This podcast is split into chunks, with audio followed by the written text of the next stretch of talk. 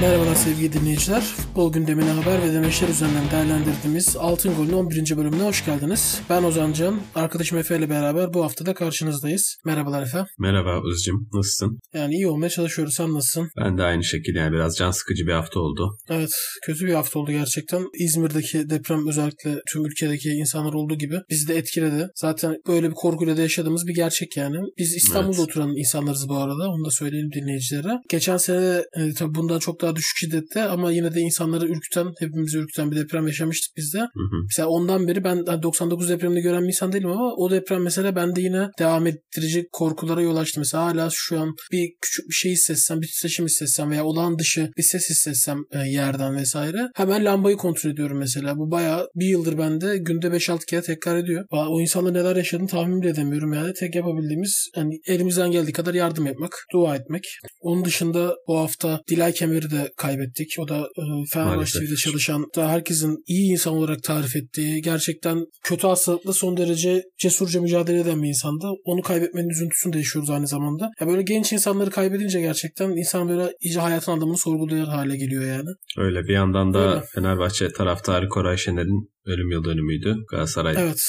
Deplasmanında kalp kriziyle hayatını kaybetmişti. Onu da anıyoruz bir kez daha. Evet, onu da çok genç yaşta kaybetmiştik. Hatta Erol Bulut da maç sonunda galibiyete Koray Şener'e armağan etmiş. Güzel bir davranış bence. Yani hoşuma gitti. Zaten Fenerbahçe evet. o konuda çok şey yaptı yani. Gerçekten anma konusunda da ailesine destek anlamında da ya anısını yaşatma anlamında bence iyi bir sınav verdiğini düşünüyorum ben o anlamda Fenerbahçe'nin. Evet katılıyorum. Ve diğer hani kulüplerin taraftarları vesaire de konuda son derece hassas davranıyorlar zaten. Artık Fenerbahçe'nin üstünde figür oldu yani Koray. Öyle yani can sıkıcı bir hafta diyelim ama biz de en azından bir nebze olsa belki kafanızı dağıtmanıza yardımcı oluruz diye programımızı yine yapacağız. Çok saha içinde konuşmayacağız bu hafta. Daha genel konulardan e, bahsedeceğiz. Teknik taktik odaklı olmak dışında. Evet, ya maçlar biraz benzer seyrediyor. Yani hani Beşiktaş evet, bir galibiyet geç. daha aldı. Galatasaray'da önemli bir galibiyet aldı. Fenerbahçe'de futbolunu bir, bir adım daha öteye taşıyarak önemli bir galibiyet aldı ama çok farklı şeyler yok önceki haftalara göre. Yani Perotti özel bir performans gösterdi ama hani bu program çok saha içine çok fazla girmeyip başka konular konuşacağız dediğin gibi. Başlayalım istersen. Başlayalım. Süper Lig'de köşe kapmaca başladı diye söyleyebiliriz. Nedir bu köşe evet. kapmaca? Sezon Dört açıldı. Hoca, aynen sezon açıldı. Hocalar markete çıktı. Yani öyle bir aynen. oldu. Biliyorsun bizde şey oluyor. Yani hocalar görevden alınıyor veya istifa ediyor belli anlaşmazlıklarla. Ondan sonra diğer istifa eden hocaların veya kovulan hocaların yerine geçiyorlar. Boşta bazı hocalar oluyor. Onlar da bekliyorlar abi nerede boşluk çıkar vesaire değil. İnanılmaz bir pazar. Yani Türkiye'nin evet, bir... rekabeti yüksek pazarlarından biri gerçekten gerçekten. Bir besin döngüsü gibi bir döngü var gerçekten. Herkes birbirini yiyor. Aynen öyle. Belli oyuncular var bir de biliyorsun değil mi? Yani ana Tabii. hani pazara hakim belli güçler var. Onlar dönüp duruyorlar yani. Kimler görevinden ayrıldı? Tamer Tuna ile Antalya Spor yolları ayrıldı. Orada herhalde bir yönetimde bir anlaşmazlık oldu. Çünkü hani belli başarısızlık yok yani. Evet fena Bayram Bektaş da Kayseri Spor e, yollarını ayırdı. Orada belli başarısızlıktan söz etmek mümkün. Daha normal evet. bir ayrılık bence. Kasımpaşa ile Mehmet Altıparmağı yolları ayrıldı. Bu da ilginç bir ayrılık bence. Ama Kasımpaşa son, gerçekten çok hoca değiştiriyor. Evet ya son derece iyi durumdaydı Kasımpaşa. Geçen sene de Fuat Çapa ile çok iyi bir çıkış yapmışlardı pandemi dönemi sonrası. Yani sayılı takımlardan biriydi form anlamında. Onunla da yollarını ayırmışlardı. Şu anda da 6. sıradalar yanılmıyorsam. Evet evet. Gerçekten ya 11 puanı var. Çok anlamak, iyi yani. Anlamak zor. Kasımpaşa Galatasaray'ı bayağı hani iyi bir oyunla yenen bir takımdı ve gerçekten oyuncuların performansı anlamında da çok övülen bir takımdı. Şaşırdım ya ben bu ayrılan. Yani Kasımpaşa ama gerçekten dediğin gibi böyle farklı insanlar ilginçken ayrılıklarda bulunabiliyor. Biraz da patron takım olmasından herhalde kaynaklı. Kemal Özdeş de mesela zamanında ilginç ayrılmıştı. Hatta iki kere falan. Evet. İlginç bir kulüp açıdan evet. Newton e, ayrıldı Trabzonspor'dan. Biraz zaten beklenen oldu. Burada, burada söylemiştik zaten biliyorsun. O bizim konuşmamızın ardından Trabzonspor yönetiminde harekete geçtiğini düşünüyorum. Herhalde öyle bir etkimiz olmuş oldu. Yani ben erken buluyordum ama Fenerbahçe mağlubiyeti sonrası bir de hani hakikaten sansasyonel bir 4-3'lük mağlubiyet aldılar. Bundan sonra tutmak çok kolay değildi. Zaten tartışmalı şekilde gelmişti. Yani çok şaşırtıcı bir ayrılık değil. Sen peki bu teknik direktörlerin bu kadar revizyona uğraması hakkında ne düşünüyorsun Türkiye'de? Çünkü biz bu konuda ortalama olarak da hani Avrupa'da tepeleri oynuyoruz bayağı iddialıyız o konuda. Tabii tabii. tabii. Yani birinci ligimiz de benzer şekilde. Bu sene Hı-hı. hani Süper Lig 40 haftada olacağı için kırılması çok zor bir rekor. Bence kırarız lig olarak. Yani El daha... verirsek başarımıza hiçbir şey yok yani. Onu şey yani bu konuda zaten aynı kafa yapısına sahip çoğu yönetim. O yüzden el ele verme konusunda da bir sorun olmaz. Bir rekor gelebilir gerçekten. Çok günlük bakıyoruz maalesef futbola. Genel Türk futbolunun sorunu bu zaten. Gençlere altyapıya yatırım yapmama da bu bakışın bir sonucu maalesef. Sürekli hoca değişiklikleri, sabırsızlıklar da bunu beraberinde getiriyor. Yani bu şekilde başarılı elde edilmesi maalesef mümkün değil. Yani yeni hoca geliyor 2-3 maç bir şeyler iyi gidiyor belki. 4-5 maç iyi gitmezse tekrar onu da göndermeye, kafasına girmeye başlıyor yönetimler ve en ufak bir kıvılcımda o da gidiyor. Yani başarı böyle gelmez kesinlikle. Şimdi bu hocalar muhtemelen birbirlerinin yerlerini alacaklar. Şimdi şöyle bir durum var. Trabzonspor'da konuşulan adaylar Tamer Tuna ile Abdullah Avcı. Antalya Spor'da Abdullah Avcı konuşuluyor bayağı. Evet. Kasımpaşa'da yani boşta hocalar da var biliyorsun. Süper Lig'in aslında gedikli hocaları var. Aykut Koca var mesela boşta. Ya o pandemi döneminde çalışmayacağını söylemişti ama ya bu, bu dönem biteceği yok. Belki tekrar dönebilir sahalara yani. Çünkü diğer türlü çok uzak kalmış olacak. O da Ünal Karaman boşta. Ünal Karaman boşta. Keza o da muhtemelen Trabzonspor'u bekliyordu. ama bir yönetim değişikliği olursa ancak evet. gidebilir gibi gözüküyor. Onun da yüzünü hatırlatması Hikmet lazım. Karaman artık. boşta galiba değil mi? Evet. Hikmet boşta. Karaman var. O da Rize Spor başa tekrar geçer belki bilmiyorum. Gerçi Rize iyi gidiyor da her şey olsaydı geçebilirdi. Ya bakalım kimler kimleri yeni olacak. O zaman diğer konumuza geçelim. Fenerbahçe'de bir imza töreni oldu hafta içi. Bayağı Çok geç, oldu. Ge- geç olmuş bir imza töreni. Evet burada haykırmıştık hani Emre Belezoğlu'nun sıfatı nedir, görevi nedir diye. Kulüpte sağ olsun kulak verdi. Fenerbahçe Spor Kulübü ve bir imza töreni düzenledi. Bizi davet etmediler ama ona biraz kırıldık yani aslında altın gol ekibi olarak orada yer almak isterdik. Şimdi ilk başta Ali Koç'la Emre Belezoğlu'nun bir imza töreni oldu. Ali Koç başta konuştu. Emre Belezoğlu konuştu. Sonrasında Erol Bulut'la bir imza töreni yapıldı. Sonrasında Emre Belezoğlu bir de Haber Global'de Candaş Bey'in programına katıldı. Orada da güzel açıklamalar oldu. Ben ilk başta sana şeyi soracağım. Sen genel olarak genel çerçevede bu Fenerbahçe'deki şu an futbolu yöneten 3 figürün açıklamalarını nasıl buldun? Organizasyonu nasıl buldun? Çünkü videolar vesaire de vardı. Bayağı da soru yanıtladılar. Bir atmosferi değerlendirmeni rica edeceğim. Evet ya bu kadar geç kalmasını ben çok anlamlandıramıyordum. Yani içeride bir problem mi var, anlaşmazlık mı var? Yani bence yine de net bir açıklaması da yapılmadı. Konuyla ilgili net bir soru da sorulmadı. Yani Haber Global'deki yayında sordu Candaş Tolga Işık ama yani çok net de bir cevap vermedi Emre. Yani başkan böyle istedi benim için de uygundu gibi cevapladı. Ama bana gereken değeri verdiler şeklinde e, kendiyle ilgili kısmını cevapladı ama e, yani toplantıyı zamanlamasından bağımsız değerlendirirsek bence çok pozitif bir hava vardı. Yani aralarında gerçekten iyi bir kimya yakalandığı yansıyordu. Hep güler yüzler. İşte aralarındaki iletişimden çok samimi şekilde değindiler. Yani Ali Koç, Erol Bulut'la kakara kikiri yaptık falan dedi. Böyle hakikaten güzel bir kimyanın oluştuğu ve iyi bir ekip çalışmasının olduğu belli. Hani kolayca şeyi ifade ettiler. İşte bazı transferde kimimiz kesinlikle olmaz dedik ama birimiz diğerini ikna etti. İşte hocanın istediği futbolcuyu çok istiyorsa eğer ortak bir paydaya vardık. Keza Emre'nin öyle, keza yönetimin öyle. Yani fikir ayrılıklarından iyi bir tartışma havası sonucunda iyi kararlar verdiklerine inandıkları ve hepsinin içine sindiğini net şekilde hissettirdiler. Bence başarılı bir iletişimdi. Ayrıca yapılan videolar, jestler, e, toplantının yönetimi, basın mensuplarına verilen söz, süre vesaire gerçekten çok açık bir toplantıydı. Ben bayağı başarılı buldum. Emre Belezoğlu'nun sportif direktörlüğünü biraz daha ayrı konuşuruz herhalde. Sen nasıl buldun toplantıyı? Ya ben de geç kalmış olduğunu düşünüyorum ama güzeldi. Ya beni tatmin etti içerik olarak. Emre yapılan video güzeldi gerçekten. Videoda Galatasaray'ın çekinilmeden koyulması da hoşuma gitti. Emre de teşekkür etti oradaki hem kulübe yani hem de oradaki hocalarına. Bence idealdi yani. O yüzden Fenerbahçe'nin yaptığını ben doğru buluyorum. Onun dışında Emre çok güven veriyor ya. Yani öyle bir figür zaten. Emre'nin açıklamalarından da ayrıca konuşuruz ama o Emre'nin dışarıya verdiği o yetkinlik yani liyakat olduğunu görüyorsun orada. Mesela Komoli'de onu hissedemiyordun abi. O verdiği dışarı pozitif hava, verdiği güven bence Ali Koç'a çok ciddi rahatlamış. Ali Koç Komoli bir menajermiş gibi hissediyordun yani. Sanki. Komoli danışman gibi Dış... değil mi? Evet aynen. Yani Ali Koç şey diyor bize abi topçu lazım hocam sen bir ayarla kontakların vardır falan. Ama kulübe bir aidiyeti yok. Kulüpte ne kadar kalacak belli değil. Yani Emre Belezoğlu'nun Türk futbolunun içerisinde olmama ihtimali yok abi bunun önümüzdeki 20-25 yıl boyunca. Tabii ki. Ya ve bunun mutlaka Fenerbahçe'de tek dönemi de olmayacaktır. Mutlaka 2-3 dönem olur farklı farklı görevlerde. Onu da ileride konuşuruz. Yani olacak Emre Belezoğlu. O yüzden bu tarz bir kariyer başlangıcının Fenerbahçe'de olması şu anda işleri iyi giderken bence güzel önemli yani. Ali Koç'u ben daha rahat buldum. Daha yani en azından üzerindeki yükün bir kısmını atmış abi. Hem Kesinlikle. güvendiği bir hocası Çok var. rahatlamış. Hem güvendiği bir spor direktörü var. Ya adam mesela altyapıyı ne yapacağım abi falan diye böyle ko- koşturuyordu. Şu an Emre mesela ben şunu yapacağım e, şu konuda başkana sunum yapacağım diye direkt konuşuyor yani. Aynen. Erol Bulut zaten abi yani şu an bence Süper Lig'deki en cool adam ya. Ya Rıdvan diyordu ya Rıdvan Dilmen. Cool diye. Gerçekten tam doğru tanım bence o. İnanılmaz bir şeyi var bence. Yaydığı müthiş bir enerji var. Giyinişinden şeye böyle tavırlarına kadar değişik bence. Şu ana kadar çok Fenerbahçe'de görmediğimiz bir tarzda hoca olduğunu düşünüyorum ben. Evet ya, ya çok özgüvenli. Evet çok ya, özgüvenli. Maçlara böyle ben biliyorum kıyafetler abi. şey gibi yani hafta sonu manitasını sinemaya götürüyormuş gibi böyle rahat yani. Aynen Yelekler öyle. falan giyiyor. Abi işte. gol sevinci oluyor bir kolu gösteriyor böyle bir şeyler yapıyor. İnanılmaz. Mesela şey cevabı çok hoşuma gitti benim hani bu dediğin tarzla alakalı.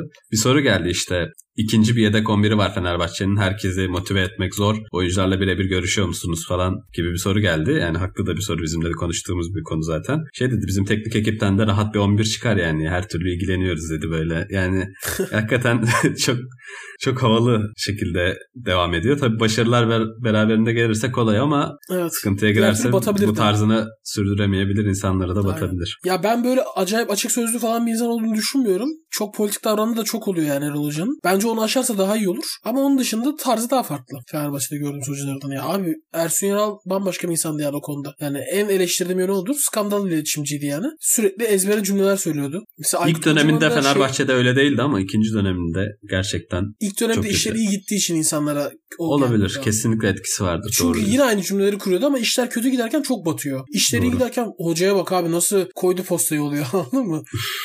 Aykut Kocaman'da da mesela şey vardı. Yani ilk sezonun sonlarında 3 Temmuz vesaire vardı. Üzerine çok baskı vardı. O yüzden tam bir olumsuzluk havası vardı da ikinci dönemin başları hariç işler bir süre sonra düzelse de şey vardı yani hocada çok ciddi bir yorgunluk vardı mesela ve sürekli bir olumsuzluk e, yayma durumu oluyordu ya. Bize bir şeyler oluyor. Hani ha, e, seçim baskısı da çok büyük etkendi. O da çok ciddi vardı. Burada hani fresh bir start yapılması bence şey Erol Hoca'nın da bu olumlu havası bence iyi katkıda bulundu diye düşünüyorum ben Fenerbahçe'ye. Ali Koç'un bir açıklamasıyla başlamak istiyorum. 2018-2019 sezonu kış aylarında Göksel Başkan'ın izniyle Emre Belözoğlu ile görüştüm. Emre yerimde olsan ne yapardın, ne yanlış gidiyor, sen olsan ne yapardın dedim ve dertleştim. O noktada bize geleceği söz konusu değildi. İnandığım, güvendiğim, tanıdığım bir insandan fikir almak vardı aklımda. Sen ne yapacaksın dedim, dedim sezon sonu. Sezonu bitirip İtalya'ya taşınacağım. İtalyancamı makale yazacak kadar geliştirmek istiyorum dedi. Gönlünde yatan kariyer hedefi Türkiye'nin en başarılı teknik adamı olmak olmaktı. Şimdi ben burada bu hamlenin tabii geleceği tahmin edemeyiz de yani Türk futbolunun kırılma noktalarından biri olduğunu düşünüyorum bu görüşmenin.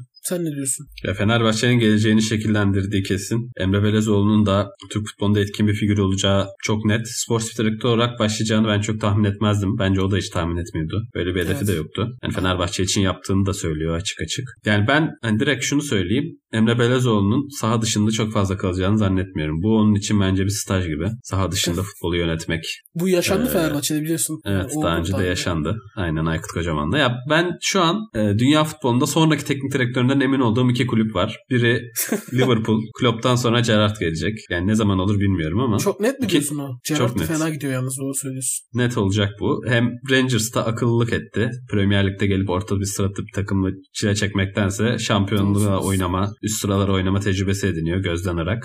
Gerrard da iyiymiş diyor herkes. Bir de Gayet... camia abi Rangers şimdi. Camia yönetiyorsun orada yine. Liverpool hazırlıyor kendini. Lampard Derby County'de orta sıradayken geldi Chelsea'nin başına. Gerrard şu an hayli hayli gelir. Klopp'tan sonra. Hiçbir kuşkum yok %100. İkincisi de Fenerbahçe'nin Erol Bulut'tan sonraki teknik direktörü Emre Belözoğlu olacak yani. Bunun da ne zaman olacağını bilmiyorum. Ama Erol Bulut çok başarılı olmadığı sürece çok da uzak olacağını düşünmüyorum. Çünkü Emre Belözoğlu çok büyük bir figür yani. Erol Bulut'un falan çok üstünde bir figür. Fenerbahçe için çok şeyler ifade ediyor Türk futbolu içinde. Çok uzun sürmeyeceğini düşünüyorum şu andaki sistemin. Şu an her şey çok güzel iddialı, ama... iddialı iddialı konuşuyorsun. Evet. Fena, girdim. O zaman Emre'nin o açıklamasını okuyayım ben. Ben hayal kuran bir insanım. Önüme gelecek herhangi bir durumda ne yapmam gerektiğini planlayan bir insanım. Büyük hayallerim var. Ne olduğunu dile getirmeyeceğim. Fenerbahçe için kurmuş olduğum büyük hayaller var. Bunların olması için bazı hayallerden ve önceliklerimden vazgeçtim. Kendi düşündüğümün dışında bir süreç ilerliyor ama bundan da mutluyum. Şimdi ya ben şöyle düşünmüştüm. Ya Fenerbahçe sonunda bir futbol yönetimi tarzı buldu. Üç başlı Ali Koç, bir spor direktör, oradaki ideal isim Emre Belezoğlu gibi bulundu. Erol buldu. Şimdi peki abi Emre Belezoğlu Fenerbahçe ileride teknik direktör olsa Emre Belezoğlu'nun yerine kim geçecek? Bulabilecek misin oraya adam? Sportif Emre direktör ve teknik teknik sorumlu olacak e, Emre Belezoğlu. İşte bak sıkıntı burada. Sen oraya abi Emre Belezoğlu'ndan büyük adam koyamazsın. Aykut Kocaman'dan Kesinlikle. da büyük figür koyamazdın oraya. Ya mümkün değil yani. Yarın bir gün Alex teknik direktör olsa onun üstüne de birini koyamazsın abi. Öyle sıkıntılar var. Spor direktörü ve teknik sorumlu diye bir şey olmaz bu arada ya. Dünyanın en saçma şey yani. İşte İngiltere'deki menajerlik yanlış... tipi aslında bu ve Emre Belezoğlu'nun ben net olarak bunu planladığını düşünüyorum. Yani teknik direktör olmayı kesin istiyor zaten. Hani buna hiçbir şüphe yok. İstiyor canım. O net Futbol dışı yani. Tarafı hem öğreneyim hem Fenerbahçe'de başarılı olayım hem kredim olsun. Güzel bir fırsat, güzel bir yönetim. Hem sağ dışı işleri öğreneyim. De sonra teknik direktör olduğumda o taraf yani hem transferi, kulüp yönetimini, Finans, diplomatik işleri biliyor olayım, finansı, hukuku vesaire ki birçok şeyler öğrendiğini söyledi. Yani tam bir hoca olayım, her şeyi yapan. Tek başıma her şeyi yöneteyim. Belki Türk futbolunun Fatih Terim'i olayım ha, yeni ben yeni dönem. Ya var bu kanka bu oldu yani biliyorsun. Bence o da onu hedefliyor. Zaten en başarılı olmak istiyormuş. Yani Ali Koç dediğine göre kendini Şenol Güneş'in ve Fatih Terim'in de üstüne çıkarmak istiyor ve buradan başladı. Kendi adına mantıksız değil. Çünkü bir anda teknik direktörlüğe geçtiğinde bocalayabilirsin. Ama, e, sen hiç teknik direktörlük tecrübesi olmadan Fenerbahçe'nin başına nasıl geçecek abi ileride? Şu, Bunlar yani kulüp için halledilir diyorsun. halledilir aynen öyle. Emre Belezoğlu büyük figür yani. Kulüp içinde ve güven sağlıyor. Abi iletişim ekibindeki herkesle arası iyiymiş, şöyleymiş, böyleymiş. Kulüp o, yani yetenek bu. Sosyal yetenek. Çok acayip iletişim becerileri var. Yani orada bağlar kulübü. Sıkıntı olmaz. ya ben abi üzülüyorum buna bak. Yani Erol Bulut'a üzülüyorum ya şu an. Ya şu an üzülecek bir şey yok. Biraz çok ileriyi konuşuyoruz. Hani komplo teoristi üretmeyelim. Ama hani bu 3 sene sonra da olabilir belki. Erol Bilmiyorum. Ya mesela Emre Belezoğlu sportif direktörlükten ayrılır. Bakar Erol Bulut çok başarılı abi. Burada kısa sürede ekmek yok bana. Gider 2 sene başka yeri çalıştırır. Hani Erol Bulut 5 sene kalır belki ama sonra Emre gelir yani bence. Emre Fenerbahçe'de hoca olacak. Ve kesin bu kesin olacak. Erol Bulut'tan sonra olacak diyorsun. Evet. Bunu kayıtlara geçsin. Tarihe not düşsün. Bakalım yani ne diyeyim. Ya Emre'nin hoca olacağına katılıyorum. Ya ona diyecek bir şey yok haklısın yani. Abi böyle adamlar sahanın dışında kalamaz. Sıkıntı İmkanı yok. İmkanı Diyorlar yok ya abi. Fatih Terim abi Galatasaray başkanı olacak. Ya nasıl oluyor ya? İmkanı yok. Nasıl Galatasaray başkanı olacak abi? Hoca kim olacak? Soyunma yani odasına tek, tekmeyle, tekmeyle girer Fatih Terim yani. Ha aynen abi Tudor'u, Tudor'u getiriyorsun. Onu getiriyorsun bunu getiriyorsun. Ne oluyor abi? Herkes Fatih Terim istiyor ya kardeşim olmaz. Fatih Terim gelecek yani. Ve Fatih Terim'in ara sıra gidip gelmesi de gerekiyor. Bunu da ayrıca bir gün konuşuruz yani.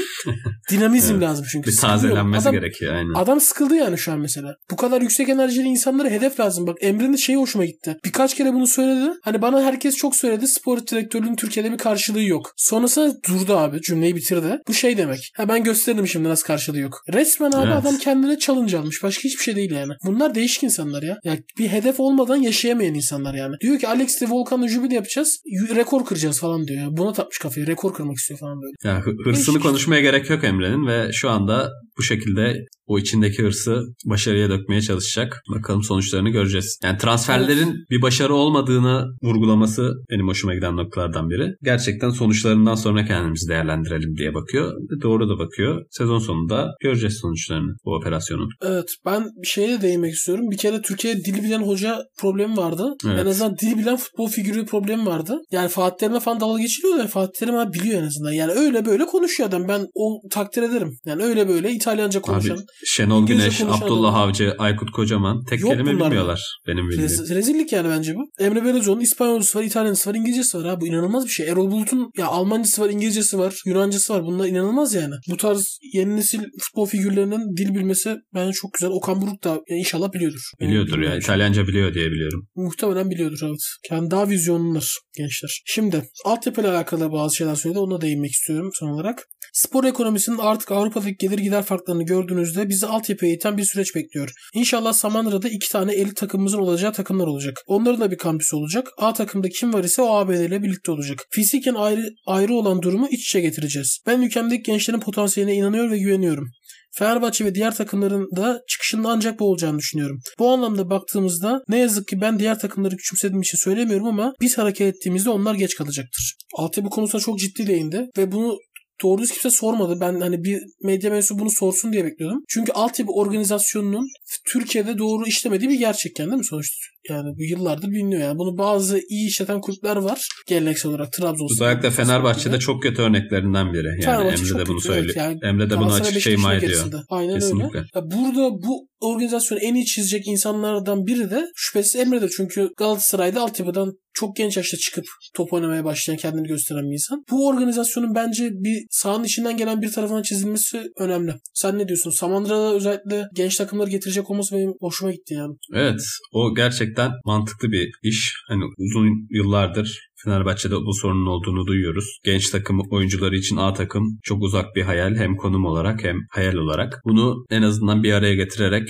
bir yerden başlamak istiyor Emre Belezoğlu. Dediğin gibi doğru bir isim bu projeyi çizmek için ama daha önemlisi doğru eğitmenleri bulmak. Fenerbahçe'nin bu anlamda çok yeterli olduğu gözükmüyor yani veya bunu tabii ki üst tarafla bağlayacak doğru isimler de gerekiyor. Bu uzun zamanlı bir iş. Yani bir anda sihirli bir dokunuşu olamaz Emre'nin. Genç oyuncuların Fenerbahçe'ye inanmasını istiyorum dedi dedi. Ve Ömer Faruk ilk hedefi. Şu anda da belli ki sıkıntılar var sözleşme konusunda. Ama çözeceğiz hani, dedim. 15-20 gün içinde çözeceğiz. Menajeriyle görüşmeler yapıyoruz diyor. Hani çok ikna olmadım. Ama ben hani Ömer Faruk kesin gidici gözüyle bakıyordum. 50-50'yim şu an Hayır, Ömer Faruk'la ilgili. Hala. Bekliyor.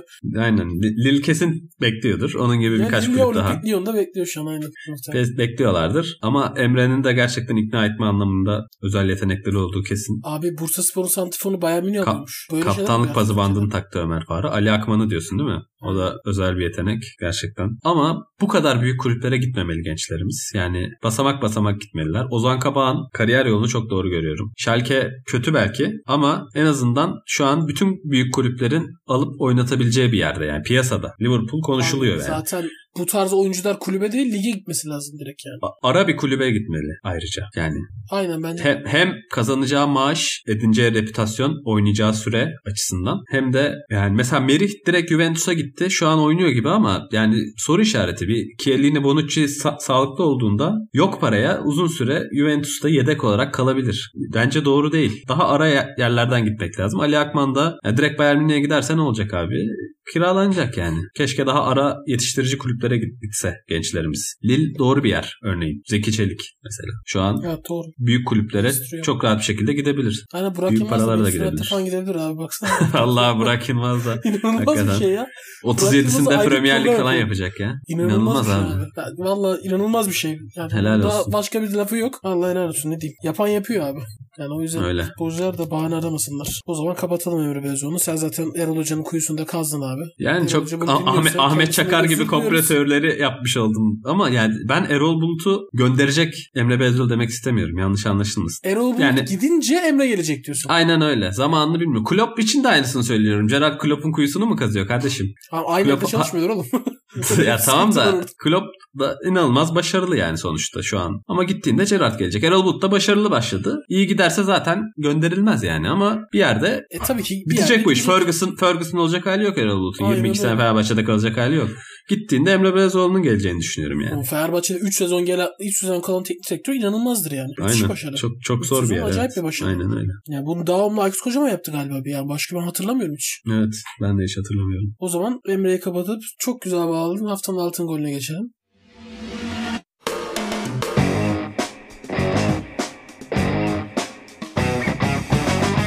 Haftanın Geçelim. altın golü de Jota. Evet, Liverpool'da gerçekten. yine kazandırmaya devam ediyor. Jurgen Klopp'un açıklamalarına değinelim. Gerard'dan önceki hoca Liverpool'da. Demiş ki Klopp hocamız Jota düşündüğümden çok daha iyi çıktı. Onu alırken çok fazla ikna etmeye çalışmadığımız doğru ama rakiplerimiz vardı. Alırken uğraştık. Şimdi yani futbolcu tabii sen iki maçtır ligde tutunmanı sağlarken Şampiyonlar Ligi'nde de gol atmışken düşündüğünden iyi çıktı demesen hocam aslında daha iyi olabilir aslında. Her düşündüğünü söylemen lazım değil mi?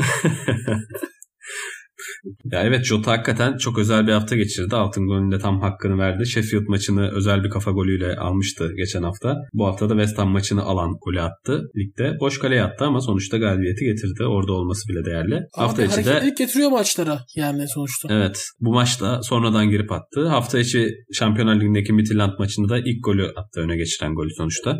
Önemli bir etki yaptığı kesin. Yani Liverpool'un önemli ihtiyaçlarından biriydi o ön üçlüyü yedeklemek. Ben de iyi bir tercih olacağını düşünüyordum ama benim de düşündüğümden iyi çıktı. Yani Klopp'la benzer hisleri paylaşıyoruz. Ama e, bunu söylemesi... Duymuyor en azından. Yani yok ya benim bunu altın golde söylemem normal de Klopp'un basın toplantısında söylemesi çok normal değil dediğin gibi. Aynen. Tebrik ediyoruz Jota'yı. Evet tebrik ediyoruz. Salah yani çok formda tabii. Yani yine güzel işler yaptı maçta. Evet. Ee, ama onunla beraber Mane ve Firmino çok ona ayak uyduramıyor gibiler şu an için. O yüzden Ya Jota'nın Mane de kötü müdahalesi iyi oldu. Ya kötü Evet değil de ya. sonuçta geçen sene çok başka bir seviyede ama Mane. Hatırlıyorsun ya bence Mane şampiyon yaptı geçen sene.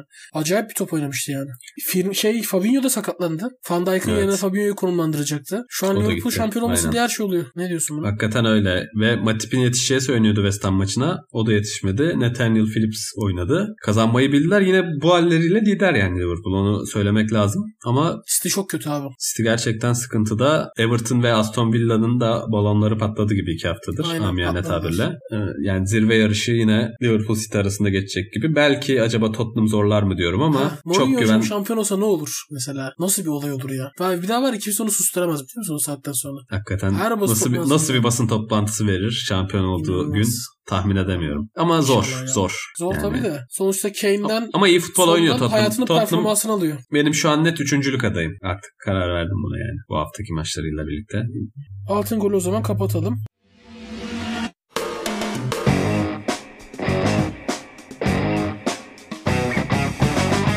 Evet Efe yine kuyusunu kazdığın insanlardan biri yine daha istifasını verdi. Barcelona'nın başkanı daha doğrusu fiilen değil de en azından teoride başkandı kendisi. Bartomeu istifa etti yönetim kuruluyla beraber. Demiş ki kendisi yönetim kurulunun iradesi hiçbir zaman kulüpte kendi yerine korumak olmamıştır. Şampiyonlar Ligi'nde elenmenin ardından elenmede de 8 tane yediler.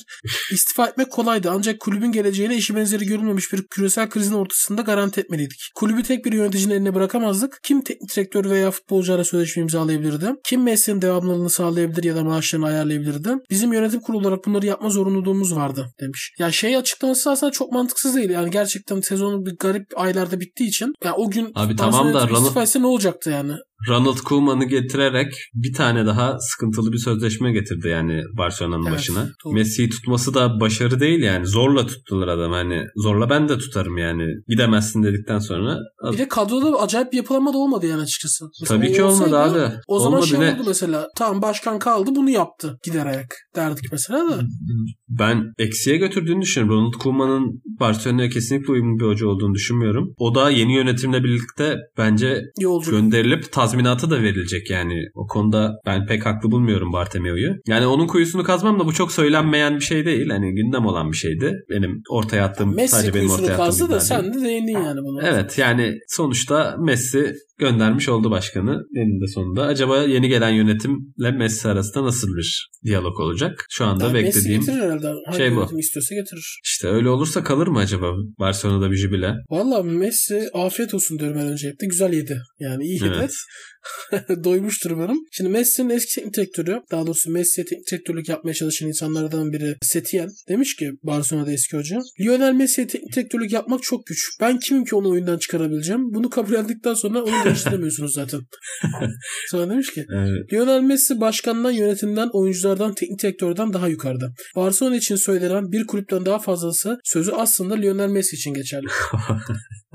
Abi bak böyle bir şey Yazık ya. Real Madrid'de yani. olma ihtimali yok yok. Bak, net söylüyorum yani. Messi Real Madrid'de atsaydı bin tane gol olmazdı böyle bir şey. Maalesef Barcelona o kadar büyük kulüp değil. Bunu iddialı bir şekilde söylüyorum. Abi kendi Yani- evladının sıfırdan gelip dünya yıldızı olması başka bir şey bence. Her kulüpte olabilir bu. Yok Sen şey olmaz. tara- taraflı Böyle- bakıyorsun. Sen Perez'e yapamazsın bunu. Tokatlıyor abi adam. Herkes tokatlıyor. Böyle bir şey yok. Yani Devre Barcelona'da pe- tamam başkan figürünü tartışabiliriz. Barcelona'da Perez gibi bir figür olsa ona da yapamazdı belki ama bence bu doğrudan kulüple alakalı bir şey değil. Messi Real Madrid'den yetişip dünyanın en tepesine çıksa Real Madrid'in de sahibi olurdu. Bence olamazdı işte Real Madrid'in sahibi. Sadece Ya Perez'le şöyle, alakalı bir durum olabilir. Çünkü Real Madrid'in tarihi abi Messi'den daha büyük. Ama Barcelona'nın tarihi Messi'den daha büyük değil maalesef. Ya bu konuda Abi, çok net iddialıyım. Sen de Levante Barcelona yaptın tarihi- Barcelona'yı kardeşim.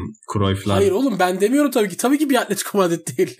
Ama yani Barcelona gerçekten Real Madrid seviyesinde bir tarih olan kulüp değil. Evet tarihinde çok mücadeleler var. Şey anlamında Ya kültürlü bir kulüp. Ona bir şey demiyorum. Ama başarı anlamında abi. Ben sadece başarılara bakıyorum şu an tamam mı? Ya tamam Real Madrid daha başarılı bir kulüp de Hayır, daha küçük Barcelona bir kulüp. Real Madrid tabii ki kıyaslamıyorum ya. Onu kıyaslamaya gerek yok da. Barcelona ile Messi'yi kıyaslıyorum. Barcelona abi top class'taki yerini Messi ile aldı. Sıkıntı o. Ama mesela Real Madrid'de Messi olsaydı Real Madrid o yeri Messi ile almış olmayacaktı. Real Madrid her zaman Real Madrid'dir yani. Adamlar 10 senedir Şampiyonlar Ligi'nde çeyrek finale üstüne çıkamadıkları zaman Ronaldo Barcelona'dan şey e, Manchester United'dan ki o dönemde en başarılı kulübüydü. Real Madrid'e gitmek için neredeyse davalık oluyordu ya. Öyle bir kulüp yani. Ama Barcelona Messi'nin çift haline dönüşebiliyor. Arjantin takıma döndüler ya. Real Madrid fanboyluğu yapıyorsun. Bu tartışmayı devam ettirmek istemiyorum. Vallahi öyle değil. Yok ya ben Barcelona'nın çok takdir ettiğim yönleri de var. Ama mesela Barcelona'da şimdi hoca kim olacak abi?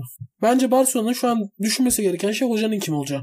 Guardiola demiş ki ben Barcelona teknik direktör olarak işim bitti. Artık buradayım. Burada olmaktan mutluyum. Bir daha dönmeyeceğim demiş Barcelona'ya. O enerjim de yok demiş. Bence tek kurtuluş oydu ben diyeyim sana. Orada bir yapı kurulması lazım tekrar. Sıfırdan bir... Pochettino ee, kuramaz mı? Pochettino gider mi ya? Vallahi geri almıştı. Sözünü geri almış Barcelona falan yani göz kırpıyor ufaktan bir flörtöz hareketleri Ma- var. Maalesef Zidane hocamdan sonra sen dedin ya teknik direktör hani bir sonrakini bildiğim. Hı-hı. Zidane'dan sonraki çok belli ya. Bağırıyor. İşte kim kaparsa ama Pochettino şu an altın tepside duruyor yani. Yo bence doğru bir isim olur Barcelona için. O ayrı tabii ki de. Mutlaka bir oraya bir figür bulması lazım abi. Mesela Xavi falan gelmez buraya ben diyeyim sana. Xavi bu yıkıntıyı almaz. Salak mı abi adam? Bu nedir yani? Ki teknik direktörü teklif edildi bu arada. Xavi'ye kabul etmemiş. Bir sene önce falandı galiba. Hazır değilim falan demiş evet doğru. Ya ayak yapıyor. Hazır değilim falan. ya geç Allah aşkına. Gelsin bir sene sportif direktörlük yapsın. Yok oğlum spor direktörleri de yiyor adam. Bak Abidal yedi. Gördün yani. Doğru, doğru onu da yedi. Zamanında kaptanlığını yaptı ya Abidal. Bu arada Messi'nin mesela saha içi dışında karışıp da başarılı olduğu bir şey var mı ya? Ya zaten genelde saha içiyle paralel işleyen bir şey değil abi ya. Tata Martino'yu falan getirdi abi hakikaten Barcelona'ya. Abi mesela bak Maradona zamanında Napoli'de yapmış bunu. Ya ben yine yanlış buluyorum. Ya benim tarzım değil ama başarılı olmuş mesela. Ya bari kardeşim başarılı ol. Hem batırıyorsun hem de hala yapıyorsun ya. Çok evet. iyi futbolcu. Müthiş yani. Gelmiş gelmiş en iyi futbolcu kesinlikle. Kendine de zarar veriyor. Vallahi verdi. O yönü bence en eksi yönü yani kesin Messi'nin zaten. Ya o da böyle sırtın dayayacağı bir figür istiyordur bence işten içe. Keşke Pep hocam gelse de şu işi hallediversek diyordu da. Pep hocam salak mı gelsin buraya? Pep hocam yılda 400-500 harcayacak takıma gidecek ya. Yani Guardiola bakıyor orta sahada Xavi Iniesta yok. Baba ha. ben De Bruyne ile takılmaya devam edeyim diyor yani. Oğlum 8 tane stoper alıp hepsine 60'ar vermek istiyor adam. Yani anladın mı? Bu tarz evet. işler yapmak istiyor. Evet. Öyle de huyları var doğru. Aynen öyle. Barcelona'da yapamazsın onu. Evet Efe'cim yani bugün de herkese salladık. Komple teorileri. Evet. Yani ben normalde Çok... Ahmet Çakar rolünü ben üstleniyordum ama sen bugün fena çıktın. Valla sansasyonel yani. bir program oldu. evet.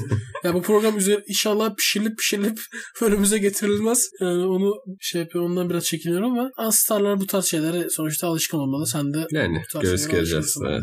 Evet. Aynen öyle. Bunlar başına gelecek biliyorsun. Sergen Yalçın da başına geliyor bunlar. Mehmet Demirkol da başına geliyor. Canı sağ olsun. Erol Bulut'la en azından bir sonraki programda konuk alırız. Tekrar onunla da konuşuruz bu konuları.